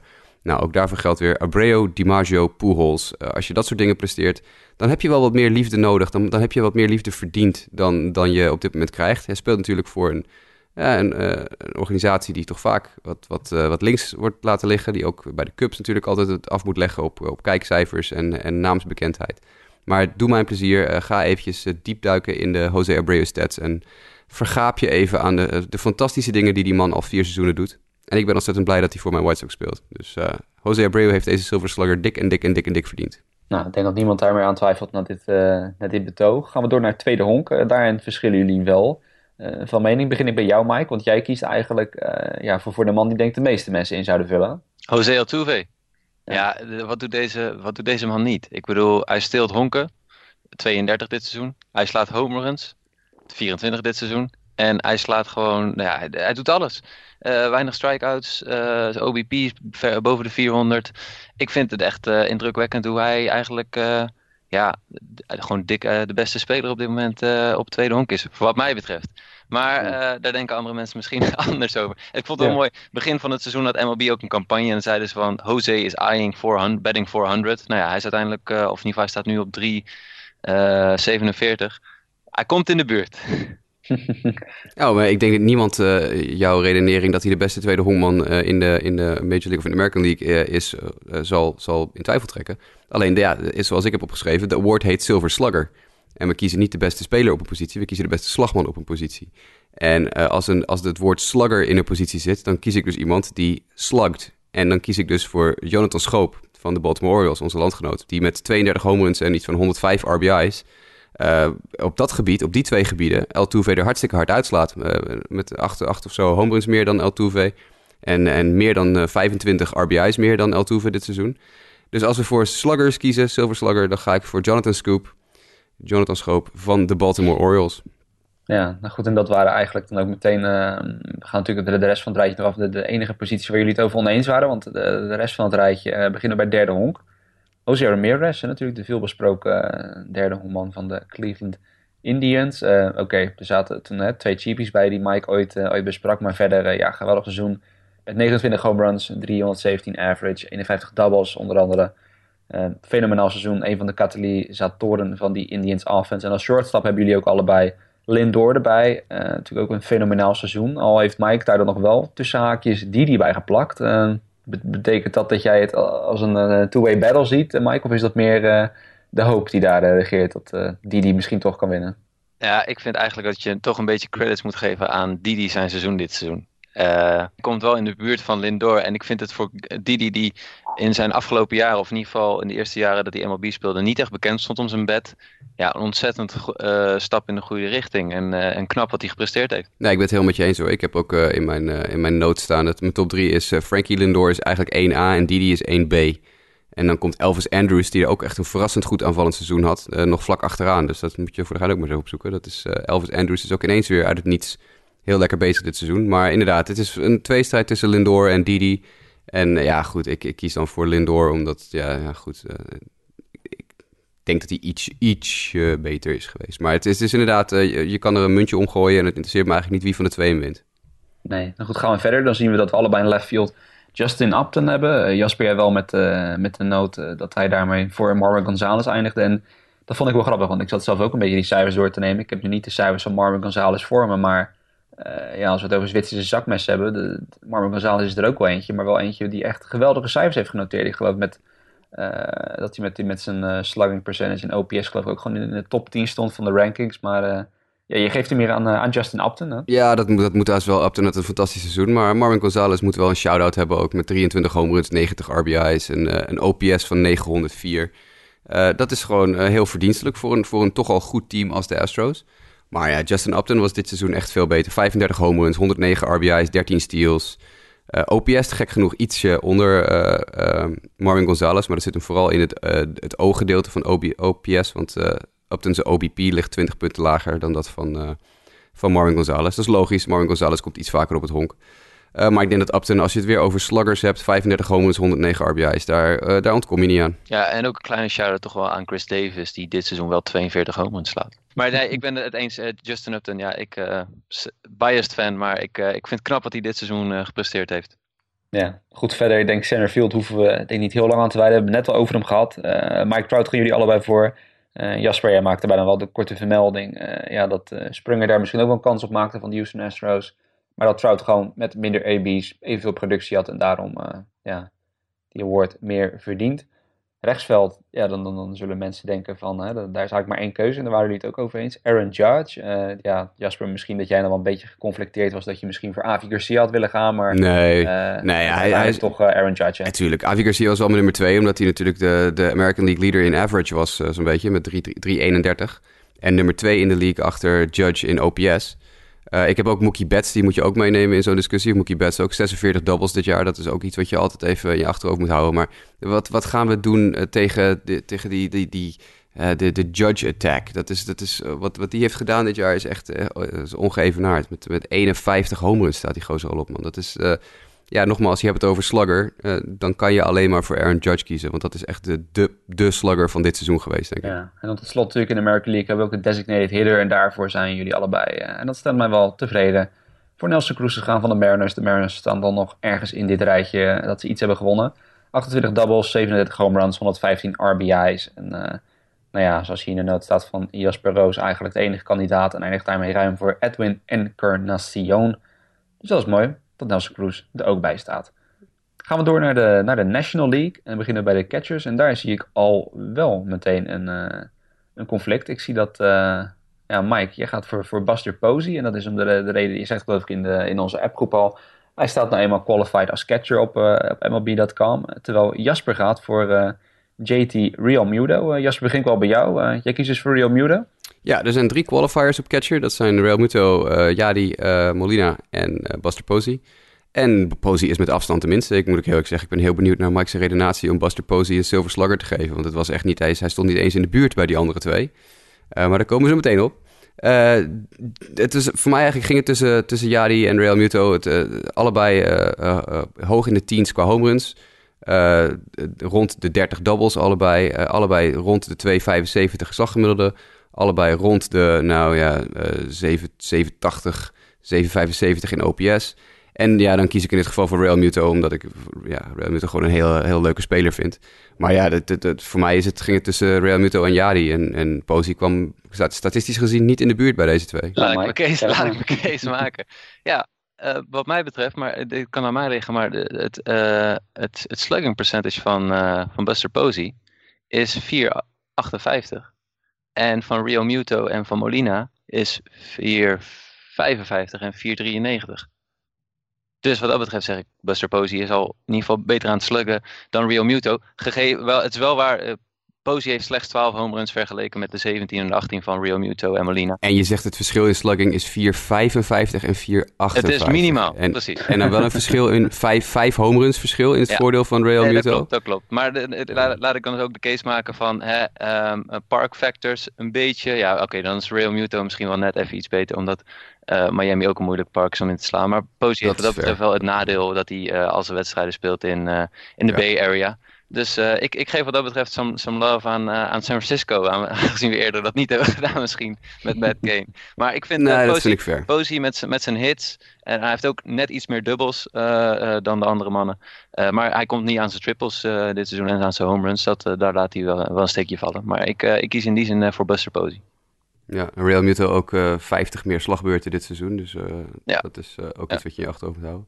Ja. Nou ja, goed. Ik, ik, ik, ik, ik had ook voor Jadi kunnen kiezen. Maar ik, ik, nee, ik, ik vind Real Muto die verdient wat meer nationale recognition. Dus doe hem maar naar Miami. Ja, goed. De, de, de rest van het rijtje. nou ja, goed. We zullen wel even langs gaan. Maar daar zijn jullie het volledig over eens. Uh, beginnen bij het eerste honk, Joey Votto. waarom, waarbij Jasper zegt, Votto OPS hem eruit. Nou ja, duidelijke woorden. Het zal Lionel denk ik ook heel tevreden stemmen dat we daardoor voor Joey Votto gaan. Ja, dat er toch een Cincinnati Red tussen staat. Hij is niet de enige, maar daar komen we dan over twee posities heen. Um, nou, er mag, wel, er mag wel even nog heel kort bij Joey Votto gezegd worden dat Paul Goldschmidt en Freddie Freeman allebei ook echt een serieuze case maakten om, uh, om deze award te krijgen hoor. Ik bedoel, Votto OPS inderdaad, Goldschmidt aan alle kanten eruit. Maar Freddie Freeman, die er ook een behoorlijk stuk van het jaar uitgelegen heeft met een blessure, die ja. echt fantast, een fantastisch ja. seizoen heeft gedraaid. Echt, echt fenomenaal. Uh, het is het gewoon dat we Votto uh, ja, qua, qua betting oog en zo natuurlijk net even uh, ja, wat legendarischer is. Maar Freddie Freeman verdient absoluut ook een shout-out. En ook Paul Goldschmidt als de degelijkheid zelf op het eerste honk. Uh, die drie, daar, daar ging het echt tussen hoor. Ja, Freeman inderdaad, als je zijn cijfers ook bekijkt, het is uh, ongekend. Ik bedoel, we hebben het steeds over Mike Trout, maar Freeman komt qua slagman best wel in de buurt van, ja, van hetgeen wat Mike. Trout doet. Helemaal mee eens, ja. Ja, goed. Maar Joey uh, Votto daar... wint de Silver Slugger. Ja, precies. Ja. dat is duidelijk het, het, het eindverdict. Uh, nou goed, je zegt het dan, daar was het nog wel enigszins close. Uh, maar maar Jasper, jij hebt overal netjes je notities bijgezet. Bij de rest van de posities was er zo te zien niet heel erg ja, veel, veel concurrentie. Tweede honk, ja, Daniel Murphy gaan jullie allebei weer voor. Hè? Als Mets-fan blijft het pijnlijk, maar ja, slaat er gewoon nog steeds op los in, in Washington. Is een home run leader op die positie met 23 home runs. En slaat gewoon hartstikke goed. Derde honk, denk ook wel redelijk duidelijk. En Nolan Arenado van de Colorado Rockies. Uh, Jasper noemt hem hier de eerste speler sinds Ryan Howard met 330 plus RBS seizoenen op rij. ja, dat is toch wel, uh, dat, dat, is wel een flinke prestatie. En we hebben natuurlijk al vaker dit, dit seizoen over hem gehad. Arenado gewoon een van de topspelers. En dan, het blijft Coors Field, maar ja, toch, uh, dat, dat, Arenado, ik denk nog, dat Arenado dit ook zou kunnen doen in een ander stadion. Ik wil net zeggen, dat, er zit geloof ik wel, als je je statistieken erbij pakt, wel iets, iets van verschil in. Maar ik geloof ook niet dat het, dat het zo er, ernstig is dat je zegt van, nou, het, is echt puur alleen Coors Field. Blijft natuurlijk een nee, zeker niet. fenomenale slagman. En dan, ja, toch een tweede Cincinnati Red in. Je zou aan, uh, op basis van dit lijstje bijna zeggen, nou, die hebben toch een goed seizoen gedraaid. Ja, Zach Cozart, hè. Die, die, die, verdient van ons ook een plekje, hè, Mike? Ja, Zach Cozart slaat gewoon, ons, heeft een ontzettend goed seizoen gehad. Eigenlijk uh, had niemand ook dat zien aankomen. Uh, Cincinnati heeft een aantal van dat soort spelers dit seizoen uh, natuurlijk gehad. Met ook uh, Scooter Jeanette. Um, maar nee, ja, Zach Cozart, ja, hij is gewoon, als je de statistiek erbij pakt, in mijn ogen de beste korte stop offensief geweest dit seizoen. Corey Seager komt er zelfs niet bij in de buurt. Ah, wel in de buurt, maar is net gewoon net even iets minder. Uh, Cozart moet vandaag 1 uit 3 gaan om uh, boven de 300 uit te komen met zijn slaggemiddelde. Dus ik hoop van harte dat hij vandaag speelt. En zodra hij een hit heeft dat hij uit de wedstrijd gehaald wordt, dan stelt hij in ieder geval zijn slaggemiddelde van 300 veilig. Want hij staat op dit moment op 2,99. Dus hij heeft nog één, uh, één hit nodig. 1 uit 3 is genoeg om, om 300 te slaan vandaag. Dus ik hoop... Interessant ook om te zien om waar maar zeggen, dan na dit seizoen uit gaat komen qua ja. speelstad. Zeker, zeker ja, die 24 home runs die hij heeft, dat, ik weet niet of dat uh, dubleerbaar is volgend jaar voor hem. Maar dat zullen we zien. Yes, nou goed, gaan we dan even nog verder door het rijtje. Hebben we het outfield. En uh, daarin kiezen we achterin volgens al drie voor leftfield Marcel Ozuna. Centerfield Charlie Blackman. En het rechtsveld, ja, hoe kan het ook anders? Giancarlo Stanton. Ik denk ook wel dat dit drie namen zijn. Um, waarvan het wel duidelijk is waarom we die kiezen, hè? lijkt me. Ja, een shout-out naar Tommy Pham van uh, St. Louis Cardinals in het linksveld. Uh, niemand tipte aan Marcel Ozuna, maar Tommy Pham had ook een, een, echt een uitzonderlijk goed seizoen. En was altijd een groot talent, maar kampte met verschrikkelijk veel blessures. En is dit seizoen eigenlijk relatief fit gebleven. Dus uh, shout-out Tommy Pham, St. Louis Cardinals, maar Marcel Ozuna yeah, takes the cake. Nou, dan door naar de Gold Gloves. Ja, van waar misschien een woord die wat, wat lastiger is voor, voor veel fans om te, te, benadrukken. Dus we gaan even kort doorheen wie dan toch die Gold Gloves moeten krijgen beginnen in de American League weer. En uh, nou ja, bijvoorbeeld, daar zie je dan misschien wat namen die wat minder, uh, die wat minder aanspreken. Ik zie bijvoorbeeld dat uh, Mike gaat voor Wellington Castillo daar. En nou ja, Jasper gaat voor de welbekende Martin Maldonado. Ja, Martin Maldonado. Meeste innings van alle catchers, meeste putouts, hoogste caught stealing percentage. Hij is de assist leader bij catchers. Hij heeft de hoogste range factor in 8.14. Fielding percentage van 9.98. 9.98 als catcher en dan ook nog de meeste innings gemaakt. Dat is echt absurd heeft maar twee errors gemaakt dit seizoen. Voor een catcher die de meeste innings heeft gespeeld van alle catchers in de, in de American League. Dus ja, Martin Maldonado uh, met afstand voor mij uh, de Gold Glove winner als catcher. Ja, nou goed, gaan we door naar het, het eerste honk. Uh, daar verschilt toch ook wel, Jasper? Ik denk dat jij wel de naam hebt neergezet daar die, die het meest, meest aanspreekt. Eric Hosmer als verdedigende eerste honkman. waar Mike gaat voor Justin Smoke van de Toronto Blue Jays. ik moet, moet, moet, zeggen, Mike heeft Smoke dan echt verdedigend zo goed gespeeld. Dat is nou niet een naam die bij mij per se als eerste opkomt, maar je zal er wel goede reden voor hebben gehad. Uh, hij heeft 150 wedstrijden uh, gespeeld en maar twee fouten gemaakt. Is niet verkeerd. En ook als je kijkt naar uh, wat andere statistieken als zijn, zijn range factor, komt hij heel erg in de buurt van, ja, althans, ja, hij steekt daarin bovenuit Eric Hosmer. Dus uh, ja. ik, ik vond hem net uh, statistisch gezien, als je alles een beetje bij elkaar neemt, uh, ietsje beter. Ja, nou, het is een beetje een drie-race voor mij daar. Het is Hosmer, Carlos Santana en Justin Smoke. Daar ging het voor mij tussen. ja, ik, ik vind dit een te verdedigen keuze hoor, Justin Smoke. Goed, gaan we naar het tweede honk. Uh, daar gaat Mike voor, even, het is een beetje moeilijk zoeken af en toe, Jonathan Scope. Ga je daarvoor? En Jasper gaat voor Ryan Dozier. Ja, nou ja, ik, ik, ik, schrijf in mijn lijstje, het was heel treurig gesteld met de tweede honk mensen in de American League als het op fielding percentage aankwam. Nou ja, goed, uh, prima. Schoop of Dozier maakt niet zo heel veel uit. Waren allebei niet zo heel erg uh, super indrukwekkend. Nee, nou goed, de derde honk Jasper, daar zeg jij, nou serieus, daar is niet, niets goed te vinden. Jij gaat dan daar voor Alex Bregman, terwijl Mike dan toch blijkbaar nog iets beters is te vinden in, in Evan Longoria. Uh, ook dit vond ik eigenlijk een beetje als het vorige, maar laat jij je case maken, uh, Jasper. Nee, het is niet echt een case. Ik, uh, ik, ik, er sprong voor mij niks bovenuit. En, en uh, dan kies ik voor de jongen met, met de, de meeste put-outs in dit geval. Dat is Alex Bregman. Maar goed, Longoria is te verdedigen. Heeft er al vaker eentje gewonnen, dus prima verdediger. Ja, goed. En dan verder uiteindelijk bij shortstop komen we uit bij Andrelton Simmons van de Angels. En uh, nee, Jasper, ik zal het maar uh, niet uh, volledig zeggen wat je daar zegt, maar jij zegt it, noem me maar een homer. Ja, ik bedoel, Nederlander, we moeten toch een Nederlander een, een gold glove geven, maar kom op, fantastisch seizoen. Andrelton Simmons, fantastisch defensief seizoen. Ja, en dan tot slot de outfielder. Um, ik zie dat Mike, die zet Keurmaier neer en zegt, oké, kwalificeert niet, maar kon toch niet laten om daar, uh, om Ja, daar neer te zetten. Hij Terwijl, is zwaar eh, geblesseerd geweest, dus dat, eh, dat Ja, kunnen we... ja, dat- Als hij niet geblesseerd was geweest, had hij absoluut Ja, had hij je- gewonnen. Dat weet ik zeker. ja, maar goed, en nu eh, zou het dus zomaar, Jasper zegt dan Byron Buxton kunnen worden, die dan dus wel eh, kwalificeert voor die award. Ja, Brian Buxton is eh, denk ik, eh, die hebben we de meeste 5-star catches zien maken op Statcast. Eh, absoluut fenomenaal eh, defensief seizoen voor hem. Eh Shout-out naar Mookie Betts, die ook echt een heel goed seizoen heeft eh, gedraaid. En ik zou het niet goed genoeg doen als ik niet ook even Adam Engel zou noemen van de White Sox. Die, die ik meerdere keren in het moment van de week vanwege absurde vangballen heb opgenomen. Dus nou ja, goed, dat is dan even mijn homer shout-out van de week. Is Adam Engel als Gold Glove in centerfield. Maar dat is Byron Buxton, hands down. Ja, nou goed, gaan we even door naar de National League. Ehm zie meteen weer twee Cincinnati Reds staan, tenminste bij jou dan, Jasper. Allereerst, waar jullie het over eens zijn, is Tucker Barnhart als, eh, als catcher van de Reds. Eh, je zet daarbij nee verreweg de meeste assists, hoogste percentage uitge- uitgegooide base-stealers, bijna 50%. Range factor ook hoog, slechts 1 error, 900 innings. Ehm, nou ja, dat, dat, lijkt me wel duidelijk genoeg, wel verrassend. Hè? De, mainstream fan zou zeggen meteen, hè, dat moet vast Yadier Molina zijn, maar... ja, Tucker Barnhart, Nee. eh, kan het niet Zeven errors, eh Jari Molina dit seizoen. De defensief eh, niet zo goed als voorgaande jaren. Nee, precies, precies. Nou Goed, dus dat is dan wel, eh, dat is dan wel duidelijk. Maar eerst stond wel het conflict. En Jasper gaat voor Joey Votto, ook van de Cincinnati Reds. Maar Mike, je gaat, ja, het is toch dan toch wel de homer pick, toch? Of niet? Goldsmith? Of heb je daar echt goede reden voor? Eh, nou ja, ehm, gelijk in errors. Eh, meer put-outs Goldsmith. Range factor Goldsmith iets hoger. Ja, het is, het, ze liggen heel dicht bij elkaar.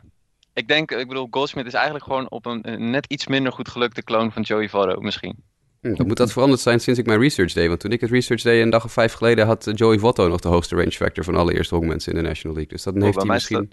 Bij mij staat eh, Goldsmith op 9,44 en Votto op 9. Ah, dan heeft hij misschien wat eh, gehad. Eh, de minste errors nog wel, toch, Votto, dit jaar? Nee, Rizzo heeft 3. Oh, man. Joey, Joey, Joey Votto lets me down eh, de- deze laatste week. Dus ik eigenlijk eh, gaat deze award nu naar Anthony Rizzo. Nou ja, ik geef, hem, ik geef hem nog steeds aan Joey Votto, maar eh, ik, ik, ben, ik ben iets meer opgewarmd naar, eh, naar Mike zijn, eh, zijn pick dan in dat geval. Dus eh, Joey, Joey let me down deze week. Deze, deze ligt gewoon heel dicht bij elkaar. Ja.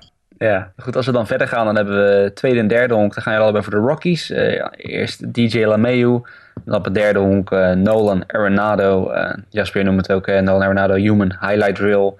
Eh, bij DJ LeMahieu en ja, misschien wel de enige optie in een saai rijtje. Maar eh, ja, wel twee Rockies erbij. Ik zie dat Mike daar dan zelfs op double down door op shortstop nog voor Trevor Story te gaan. En, ja, eh, maar ik zie eigenlijk dat het Elvis moet zijn waarschijnlijk. ja, ja, drie keer raden wat Jasper erin heeft staan. ja. Ja, ja, ik ga voor, voor, voor Freddie Galvis van de Philadelphia Phillies Ja. inderdaad. Ja. Ja. Nee, inderdaad, die heeft hij eh, erin staan. En voor de outfielder gaat Jasper voor Andy Inciarte. En eh, bij Mike zie ik Taylor staan. Neem aan dat je daar, daarmee Michael A. Taylor bedoelt. Van de Yes, Washington. Washington Nationals. En, ja, die zie ik bij Jasper. Die, had, die had ik er niet zo snel bij staan. Ik, ik kan me dat wel een beetje voorstellen, eh, nu ik er dieper over nadenk. Want het eh, heeft ook echt, eh, heeft echt een goed seizoen gedraaid ook. Maar voor mij sprong Ende Inciarte er echt uit. Als je die, die jongen op, eh, op Twitter volgt, die, eh, eh, die figuur die die Statcast eh, dingen altijd bijhoudt. Darren nog iets. Eh, die, eh, die echt mm, ja, bijna elke week wel weer een Ender Inciarte eh, highlightje moet posten. Want die gast heeft een absurd goed centerfield gespeeld dit jaar. Dus eh, ja, dat moest, moest haast wel. Ga ik niet tegenin verder. Dan gaan we natuurlijk ook nog door naar de reliever of the year. Eh beginnen in de EO, Jasper. Dan begin ik wel bij jou. Eh, ik denk dat jij daar wel de naam noemt die eigenlijk iedereen wel zou noemen, toch? Ja, Craig Kimbrell voor mij. Eh, z- 67 innings, 122 strikeouts, eh ERA van 1,34. Eén inherited runner heeft gescoord dit seizoen voor Craig Kimbrell. Dus een runner die hij overgenomen heeft van een voorgaande eh, werper. En 35 saves. Eh, beste reliever in de American League. Chris Devensky en Yusmiro Petit van de Astros en de Angels krijgen nog een shout-out van mij. Vooral Petit, want die heeft 84 innings gegooid en nul inherited runners zijn gescoord uit de 17 die hij overgenomen heeft. Maar eh, Craig Kimbrell, eh, absoluut de beste reliever voor mij. Ja. Maar toch, Mike die gaat eh, voor iets anders, zie ik. Ja, ik heb een andere perspectief hierop losgelaten. En dat is eh, de goose egg. Dus oftewel, hoe hebben de, welke pitchers hebben de meeste goose eggs ongeveer gehaald? Nou heb ik alleen de laatste standen daarvan van 7 september. En eh, toen stond Andrew Miller er 7 voor op Craig Kimbrell. Maar luister, als we alle statistieken bekijken, is Kimbrell lights out. Eigenlijk de beste. Maar Andrew Miller heeft hem mee, dus vandaar dat ik zeg Andrew Miller wat mij betreft reliever of the year. Ja, en dan naar National League. daar noemen jullie allebei sowieso Kelly Jansen. maar ik plaats dan daar nog tussen haakjes Corey Knebel, die bij Jasper als eervolle vermelding staat. En je noemt Archie Bradley van de Arizona Diamondbacks, terwijl Jasper dan nog Brad Hand erbij noemt. Maar goed, Jasper, jouw voornaamste keuze is dus uh, Kenley. Ja, Kenley Jensen. 66 innings, 105 strikeouts, 1.36 ERA. En dan de belangrijkste van allemaal, 7 vrije lopen in 66 innings. Dat is ongelooflijk. Uh, Kenley Jensen, fantastisch seizoen weer. Ja, uh, voor mij de reliever of the year. Ja. Ongelooflijk inderdaad, hoe sterk die staat te gooien. Uh, en ja, mijn case is hetzelfde weer met die Goose En uh, toen stonden Knebel en Jansen uh, gelijk begin van deze maand. Dus, of begin van september. Dus ik weet niet hoe dat nu is. Dat, die standen houden dus niet real-time bij, helaas. Nee, goed, toch. ja, ik denk uiteindelijk al met al, moet ik ook wel zeggen, Kelly Jensen lijkt me daar wel de meest verdiende winnaar. Maar we gaan het zien natuurlijk wie hem gaat winnen. Um, gaan we door van Reliever of the Year naar ook met de R beginnend, Rookie of the Year. En daar is denk ik vooral de vraag um, ja, of we nog eervolle vermeldingen moeten geven. Want ik denk dat het wel duidelijk is dat ja, in de National League gaan we allebei voor Cody Bellinger. En in de American League voor Aaron Judge. En dat lijkt me wel logisch, toch? Ja, dat, uh, dat lijkt me meer dan logisch. Uh, Shout-out naar Reese Hoskins van de Philadelphia Phillies, onze man. Uh, ik wil ook even wat aandacht geven aan Paul de Jong van de St. Louis Cardinals... die een fantastisch seizoen heeft voor een rookie. En ook Ian Happ van de Cubs moet nog wel eventjes genoemd worden, denk ik. En in de American League, uh, Trey Mancini en Matt Olson en Andrew Benintendi zijn mijn runners-up. Ja. ja, wat ik dan wel grappig vind, moet ik dan toch terugdenken aan het begin van het jaar dat bij American League uh, Andrew Benintendi de enige naam was geloof ik waar we met z'n allen opkwamen. voor, voor, voor, Rookie of the Year. Dan toch grappig hoe dat, uh, hoe dat loopt en wat voor namen zich het dan, hè, zoals een Trey Mancini, Matt Olson. Ik weet niet of dat zozeer namen waren die we, die we dan meteen ertussen hadden geprikt. Dus dat is dan wel mooi om te zien dat dat soort jongens dan toch opkomen en een verschil kunnen maken. Van Rookie of the Year hebben we dan ook nog de Managers of the Year. Uh, Mike, begin ik bij jou. Uh, want jij ja, had het vooraf erover. Ik had bij jou wel sowieso één naam verwacht. Maar toch koos je niet in de National League voor je eigen manager. Nee, dat klopt. Uh, dat heeft vooral te maken met de streak die de Los Angeles Dodgers hebben gehad. Uh, die gewoon fenomenaal was. Althans, de streak. Ze hebben gewoon een ontzettende 2,5 maand ongeveer geweldig honkbal gespeeld en heel weinig verloren. En Dave Roberts is wat mij betreft dus de, de manager of the year. Maar ik begrijp dat het voor de hand ligt voor veel mensen om op basis van de bounceback van de Diamondbacks dit seizoen voor Tori, uh, Torrey Lavello te gaan. Ja, en de American League keuze voor jou is dan? Uh, Paul Mollador. Maar dat is vooral omdat ik de Twins, uh, ja, ik vind het geen heel geweldig team. En dan toch dit eruit weten te halen, dat vind ik dan heel knap.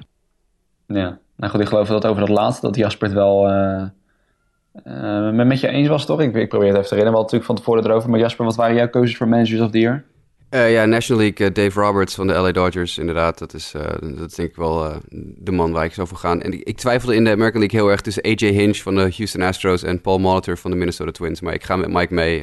de, de, de sprong van 103 verliespartijen vorig jaar naar, naar de playoffs halen in, in dit jaar.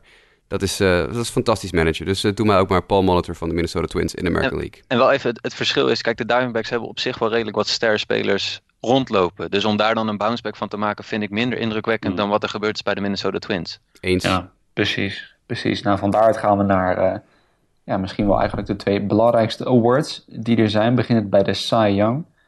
National League zijn jullie het over eens? Allebei voor Max Scherzer van de Washington Nationals. En terwijl ik dit zeg, bedenk me dat hier Lionel ook wel dingen had ingevuld. Misschien wel leuk om dat dan meteen bij te pakken. Uh, want bij reliever en rookie of the year lag hij met jullie op één lijn. En ook hier ligt hij met jullie op één lijn. Max Scherzer in de National League 3 uit 3. Um, ehm, ja, de, mensen die zouden dan denken aan een Kershaw, maar natuurlijk geblesseerd geweest. Uh, Jasper zit ook Gio Gonzalez er nog bij. Als eerlijke volle vermelding, maar toch Scherzer uiteindelijk als beste erbovenuit. Ja, het is niet zijn beste seizoen ooit. En hij werd afgelopen nacht natuurlijk ook alweer na, na 50 pitches eh, licht geblesseerd uit de wedstrijd gehaald. Dus dat is nog even iets om in de gaten te houden voor de playoffs. Want Scherzer is opnieuw geblesseerd uh, uit de wedstrijd gehaald.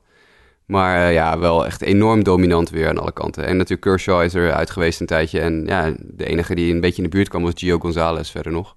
Dus uh, Scherzer voor mij de duidelijke keus. American League wel een verschilletje. Jij gaat, Jasper, is dat samen met Lionel voor Chris Sale.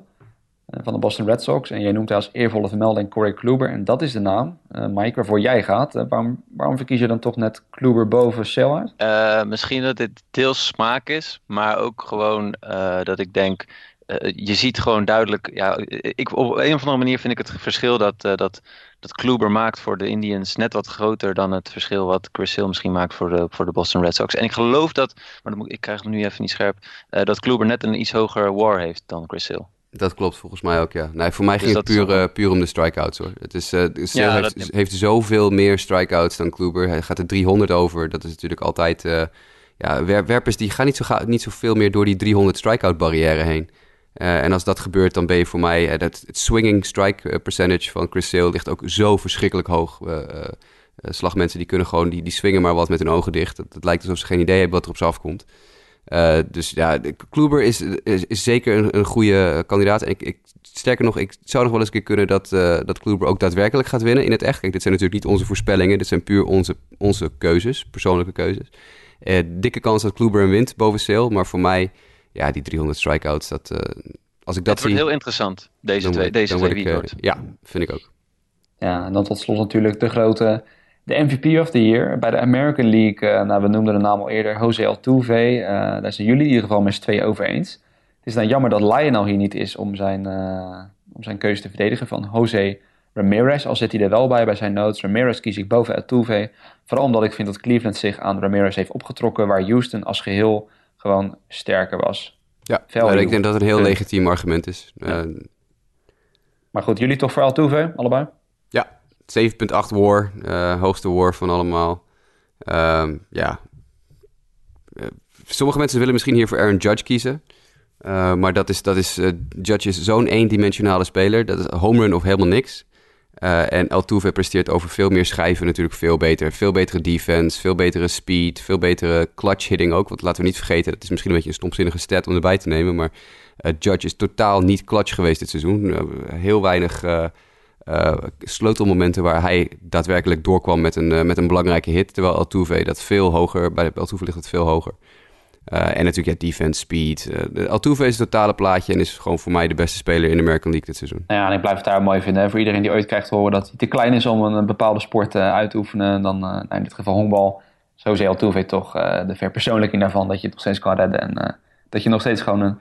Uh, Mike, Mike Trout natuurlijk. Sommige mensen willen Mike Trout ook noemen. De, en dat, dat, dat, kan. Uh, hij heeft natuurlijk relatief weinig at-bats. Maar hij heeft wel meer at-bats al dan, uh, dan Willie Stargell... die in 1979 de MVP won. Ik bedoel, toen Startle toen won had hij 480 plate appearances. En Trout is er nu al eh, overheen, ondanks dat hij langdurig eruit is geweest. Dus op zich zou je een, een zaak kunnen hebben voor Mike Trout. Maar ja, Altuve is, is gewoon wat dat betreft denk ik toch nog ietsje beter. Ja. En dan slot de National League. Uh, Jasper en Lionel, jullie gaan allebei voor Giancarlo Stanton. En Mike, uh, ja, ik denk dat het nu dan tijd is dat hij zijn betoog geeft. Want hij gaat hier voor good old Paul Goldsmith. Ja, en dat is gewoon... dit, dit klinkt heel stom, maar uh, ik denk dat als Goldschmidt niet bij de Diamondbacks zit, dat ze dan uh, zeker niet zo snel en zo makkelijk uh, zich hadden geplaatst voor de, voor de playoffs dit jaar. Ik denk dat ze dan misschien niet eens erbij waren geweest. Dat is de case. en dat is dan typisch wat mij, wat mij betreft het verschil maakt tussen een MVP en niet een MVP. En ja, de prestaties van Stanton zijn wat dat betreft wel uitzonderlijk. Maar ik ga dan wel voor iemand die het verschil maakt tussen wel en niet de playoffs halen. Dus Goldsmith. In dat geval zou je, zou je een zaak kunnen maken zelfs voor JD Martinez bij jou. Want die had ik Zeker. op mijn lijstje nog eh, bijstaan als, uh, voor een dikke shout-out. Het is natuurlijk heel gek om iemand een MVP van een, van een league te maken... als hij maar twee maanden daar gespeeld heeft in die league. Dus wat dat betreft is het een beetje, zou het een beetje krom zijn als hij hem kreeg. Maar als je het hebt over een speler die, denk ik, ontzettend belangrijk is geweest voor het, het feit dat de Diamondbacks nu in de wildcard staan, is het denk ik wel JD Martinez ook nog. En zijn maand, geloof ik ook uh, in september, was laatst een artikel over dat dat uh, een van de beste, zo niet de beste uh, seizoen is wat een Diamondbacks hitter ooit geslagen heeft. Dus ja, een goede case, maar in die zin, ja, Goldsmith's defense is wel beter dan die van Martinez. Natuurlijk, en, en, je blijft het punt houden dat Martinez natuurlijk maar twee maanden of anderhalve ja, maand bij de Diamondbacks gespeeld heeft. Ja. Dus iemand een MVP van een hele league maken als hij maar anderhalve... kijk, als hij nou uit de NL naar de NL was gegaan, oké, okay, maar hij komt uit de American League. Ja. Uh, dus dan, dan kan je niet iemand de MVP maken van een hele league. Want dan komen jongens als Charlie Blackman even aankloppen en die zeggen: Hoi, hoi, ik doe dit al het hele jaar. Ja. Uh, what about me? Precies. Uh, maar ik denk dat we echt wel een dikke shout-out naar JD Martinez moeten doen. Die heeft echt de NL op zijn kop gezet. Ja, ik hoop dat hij daarmee doorgaat de komende maand. ja, ja, dat snap ik. Ja, het is dan maar te bezien dat hoe lang dat dan nog, dan nog door kan gaan. Maar goed, daarmee ja, zijn we aan het einde gekomen van alle awards. Hebben we alle spelers benoemd die er al verdienden om genoemd te worden van afgelopen seizoen. En wordt het nu de vraag ja, wie dit door gaat zetten in de playoffs. Want die komen er dus aan. Normaal hebben we nu natuurlijk onze, onze Series of the Week. Eh, maar goed, zoveel zijn er niet over. En eigenlijk zijn ze vanaf nu allemaal de moeite waard om, uh, om, om te bekijken. Misschien wel even leuk voor de, voor de luisteraars om te benoemen wanneer het dan precies begint. Uh, op dinsdagochtend om 2 uur. of nee, dat zeg ik trouwens verkeerd. Dinsdag op woensdagnacht om 2 uur is het dan. Dus dat is eigenlijk letterlijk woensdagochtend is dat. Spelen de Twins tegen de Yankees in de Bronx. ik zie dat bij de Twins Irvin Santana sowieso als starter staat. Bij de Yankees staat nog to be decided. En dan woensdag 4 oktober, wanneer uh, ondergetekende jarig is, dan spelen de Colorado Rockies tegen de Arizona Diamondbacks. Dat is dan woensdag op donderdagnacht om 2 uur en vanaf de dag daarna gaat het allemaal los met de AL Wildcard winnaar tegen de Indians, Red Sox, Astros. En dan op vrijdag op zaterdagnacht uh, met de Cubs Nationals erbij en de NL Wildcard winnaar tegen de Dodgers. Dat gezegd hebben, de playoffs, we kijken er allemaal naar uit, maar Nee, goed, Mike. En je hoeft denk ik niet te vragen waar je het meest naar uitkijkt deze week. Uh, er is natuurlijk maar één wedstrijd die telt, denk ik. Ja, één ronde per, uh, of één wedstrijd per ronde waar ik me op focus. En dat is in ieder geval de Diamondbacks kijken of ze, of ze kunnen winnen die wildcard game. Ja. Nou, Jasper, jij, jij nog iets in het specifieks of is het gewoon van uh, laat het, laat het de woensdagochtend maar beginnen en dan gaan we gewoon genieten? Laat het maar komen. Ik, ik, ik heb er zin in. Ik, ik ben heel benieuwd hoe bepaalde teams het gaan doen. Ik, ik, ik wil heel graag de Rockies Diamondbacks zien. Want nogmaals, dat zijn twee teams die voor mij toch wel ja, dit seizoen echt een beetje gemaakt hebben. Dus uh, ik, ben, ik ben heel benieuwd naar wie daar het langste eind gaat trekken. De, de rest interesseert me nog, nog niet zo heel veel, maar dat gaat nog wel komen. Nee, en dat, dat moet ik dat dan nog wel tot slot nog even aan toevoegen. Dat maakt die wildcard game ook wel mooi. Het is ergens wel frank dat één zo'n wedstrijd bijvoorbeeld het seizoen van de Yankees of Diamondbacks kan beëindigen, ondanks dat ze er beter voor stonden. Maar het, het, is wel een lekker begin, zeg maar. Je zit er meteen helemaal in, één wedstrijd, trop of eronder. En dat, uh, dat is zeg maar, om in die, in die setting te komen van de playoffs, is, is het wel lekkerder om mee te beginnen dan meteen met een met een 7 game series. Maar dat, uh, of met een 5 game series natuurlijk. Maar dat, uh, ja, we gaan zien hoe het allemaal gaat lopen. Ik uh, wens je Diamondbacks in ieder geval veel succes, Mike. En ja, we gaan dus bekijken. We zijn nog een beetje in onderhandeling met elkaar. Of we misschien nog een extra showtje gaan maken in verband met de playoffs. Of dan misschien iets korter doen. Horen je natuurlijk dan te zijn tijd alles over. Als je sowieso nog vragen hebt over de playoffs, dan kan je dat nog steeds insturen naar justabitpodcast.gmail.com. Uh, je kan ons ook al op Twitter opzoeken, at JWKF, at mdijk90, at Jasper Roos. En het Sport Amerika natuurlijk. En ook gewoon op facebook.com slash sportamerika. Ja, vertel het ons ook vooral als we er met de awards uh, picks naast hebben gezeten voor jullie. Als iemand vergeten zijn of iemand niet genoeg liefde hebben gegeven, dan horen we dat heel graag. Heel veel boze mailtjes of uh, boze mentions uh, sturen mag allemaal hier. Wil ik jou, Jasper, en jou ook, Mike, hartelijk bedanken voor jullie aanwezigheid weer. En nou goed, jullie gaan we weer zien. Tot de volgende keer.